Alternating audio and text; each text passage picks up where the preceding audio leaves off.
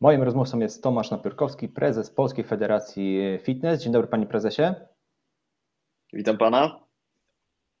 Będziemy rozmawiać oczywiście o wpływie pandemii na branżę fitness, gdyż fitness był jedną z najdłużej zamkniętych branż. Jaki jest krajobraz po pandemicznej wojnie? Znaczy przede wszystkim są to potężne straty finansowe, o czym wszyscy wiemy, e, ale myślę, że na tym aspekcie, no może moglibyśmy rozmawiać i rozmawiać, no, ponieważ moglibyśmy na tym skupić i wymienić te straty na poziomie 5 miliardów, ponad 5 miliardów złotych za wszystkie okresy lockdownowe i to, że zajmie nam odbudowanie w sytuacji finansowej sprzed pandemii około 3 do 4 lat, ale o tym mówiliśmy już wielokrotnie, no ale taki jest stan rzeczy. Otwieranie naszego sektora też w naturalnym lockdownie, jakim są wakacje, no nie należy dla, mm, powiedziałbym, korzystnych rzeczy. Jeszcze z widmem lockdownu październik-listopad, no nie wygląda to za ciekawie obecnie. No właśnie, wspomniał Pan o otwarciu. Mija właśnie miesiąc od otwarcia branży fitness. Yy, czy klienci wrócili do, do klubów? Znaczy, tak zwani ci high userzy, czyli często korzystający jak najbardziej Natomiast tak jak wspomniałem przed chwilą, no, to nie jest sezon y, trenowania w klubach fitness, szczególnie przy takiej pogodzie, szczególnie przy tak długim, powiedziałbym, y, tak długiej kwarantannie od wakacji, od jakichkolwiek wyjazdów. Więc my też rozumiemy, że nasi odbiorcy, potencjalni odbiorcy, chętnie do nas wrócą we wrześniu, w październiku, może część w sierpniu, ale na ten moment ten powrót jest naprawdę na, na dość niskim poziomie. Tak, można zażartować, że teraz już formy plażowej raczej się nie zrobi. E, panie prezesie, czy tak długie zamknięcie branży fitness z powodów pandemicznych było Pana zdaniem uzasadnione? Moim zdaniem w ogóle nie było uzasadnione i moglibyśmy nawet y, spojrzeć na parę przykładów europejskich, gdzie po prostu fitness jest traktowany nieco inaczej. Oczywiście, jeśli byśmy spojrzeli w skali makro Europy, to większość krajów te kluby fitness y, zamknęła, ale uwaga, nie ze względu na to, że traktowali je jako źródła zakażeń czy niebezpieczeństwo, tylko ze względu na to, że zamknęli również inne gałęzie gospodarki i w większości tym gałęziom zagwarantowali odpowiednią pomoc. E, jeśli chodzi o nas, tej pomocy nie było na wystarczającym poziomie. Zamknięto nas, bo uważano, że my jesteśmy zagrożeniem. I dam taki przykład dość niedaleki, bo mamy Szwecję, kraj dość blisko nas, który od wielu lat stawia na profilaktykę wśród społeczeństwa, profilaktykę związaną chociażby z aktywnością fizyczną i już dawno zakwalifikowali branżę fitness, e, branżę sportową tego typu e, do, powiedziałbym, rodziny branż, które dbają o zdrowie, czyli nawet bliżej do branż medycznych niż do branż rozrywkowych, tak jak jest w naszym kraju. E, no i tutaj, panie redaktorze, branża fitness w Szwecji nie była zamknięta nawet na jeden dzień, mimo że inne gałęzie gospodarki były tam w mniejszy czy większy sposób zamykane. A wyście rozmawiali z rządem na ten temat? Jakie argumenty padały po ich stronie? No, poza niskimi sufitami, o których wszyscy słyszeliśmy, to tych argumentów w sumie wiele nie było. Tak naprawdę obawa przed skupiskiem ludzi, w momencie kiedy odpowiedzieliśmy argumentem związanymi z galeriami handlowymi, zapadała taka niezręczna cisza. Panie prezesie, y, myśli pan, że branża fitness wróci do stanu sprzed pandemii? Ile czasu w ogóle to może zająć? Bo jednak też w czasie pandemii wiele osób zdecydowało się chociażby na zakup sprzętu i ćwiczenie w domu.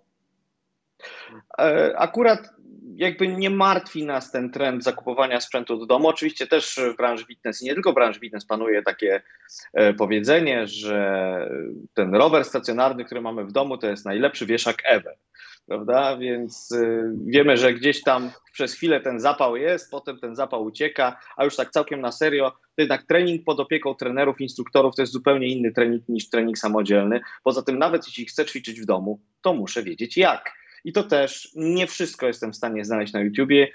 YouTube też nie jest w stanie mnie na przykład zmotywować, czy jakiekolwiek inne e, treningi wideo. Natomiast odpowiadając na pytanie, powiedziałem na początku nawet o tym, że około 3 do 4 lat zajmie nam odbudowanie sytuacji finansowej branży, żeby wrócić do wyników sprzed pandemii.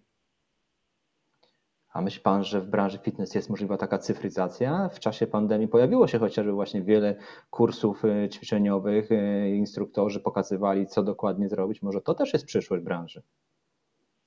No, jakby rzeczywistość pokazała trochę co innego. E, procent, tak nikły procent użytkowników korzystających z zajęć online w skali makro znowu nie pozwoliłby na przetrwanie któremukolwiek z tych biznesów. To po pierwsze. Po drugie, to zainteresowanie było, powiedziałbym, tak na zasadzie dość chwilowego, takiego impulsu, tak? Czyli mieliśmy wystrzał przez 6 tygodni i w siódmym tygodniu drastyczny spadek, tak? Mówię o 6 tygodniach zamknięcia, przez pierwsze 6 tygodni zainteresowanie zajęciami online, a później drastyczny spadek.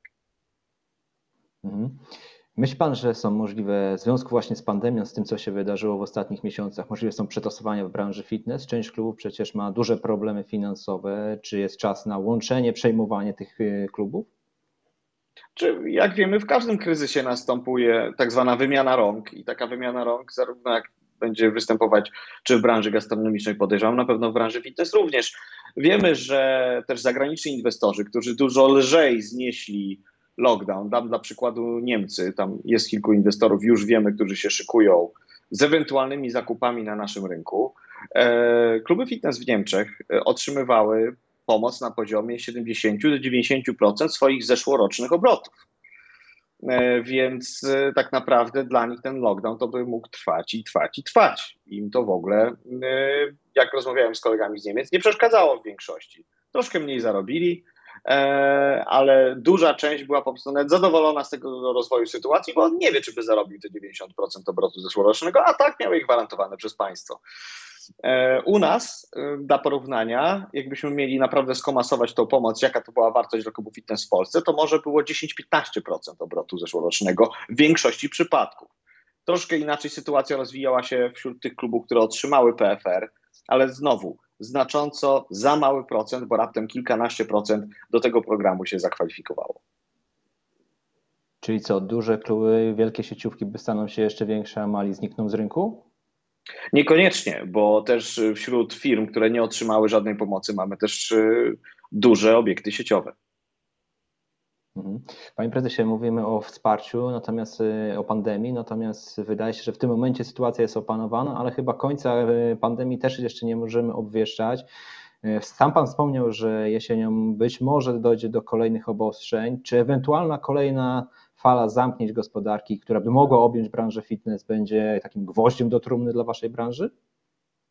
Czy ja uważam, że tak i myślę, że nie tylko ja i myślę, że nie tylko nasza branża tak uważa.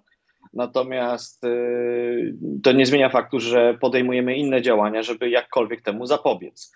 Mm, tak jak pewnie pan redaktor słyszał, mm, budujemy swego rodzaju projekt i akcję, która nabiera rozpędu, czyli tak zwany fitness na receptę. Mm, Wiemy, że nasza branża przede wszystkim ucierpiała ze względu na jej błędną kategoryzację. I gdy wejdziemy w pewne liczby, to, to też to, będzie łatwiej zrozumieć, o czym, o czym mówimy, dlaczego chcemy obrać ten kierunek. Po pierwsze, w wielu krajach, czy nawet w Stanach Zjednoczonych, branża fitness, jak już wspomniałem, jest bardziej kojarzona z branżą prozdrowotną, z branżą medyczną niż z branżą rozrywkową. Jeśli nie rozpoczniemy działań stanowczych w tym kierunku, to za każdym razem ryzyko lockdownu E, będzie nad nami wisiała jako branżą i będziemy zawsze pewnie pierwsi w kolejce do, do zamknięcia. Chyba, że zmienimy pogląd na nasz sektor.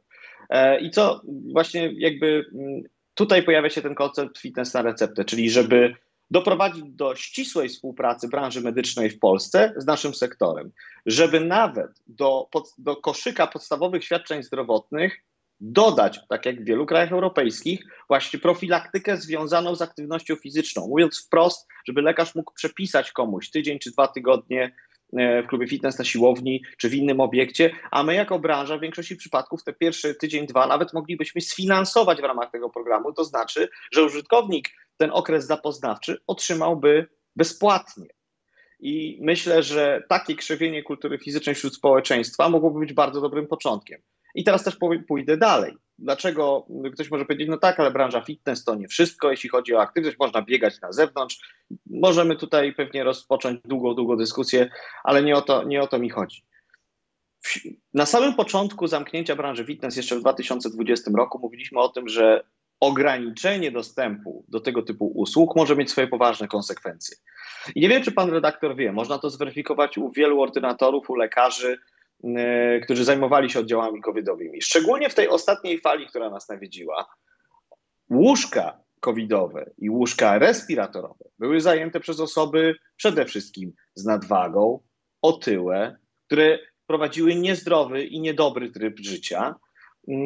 okazało się, że to jest prawdziwa grupa ryzyka, bo tam były osoby zarówno młode, w średnim wieku, jak i starsze. Okazało się, że wiek w tym wypadku, pod kątem właśnie tych schorzeń, które powodują, jak się okazuje, otyłość, nadwaga i tak dalej, cięższe, dużo cięższe przechodzenie COVID-u, e, że to właśnie to jest grupa ryzyka. Tak? Osoby otyłe z nadwagą zajmowały tam, żeby nie skłamać, 70-80% miejsc bez względu na wiek.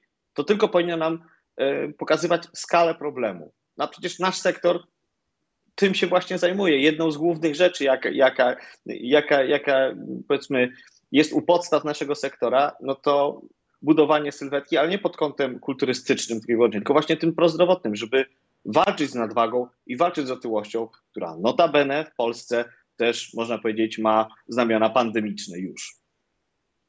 Czyli krótko mówiąc, dbajmy o zdrowie nie tylko jeżeli chodzi o COVID. Panie prezesie, bardzo dziękuję za dzisiejszą rozmowę. Dziękuję również. Moim rozmówcą był pan Tomasz Napiórkowski, prezes Polskiej Federacji Fitness.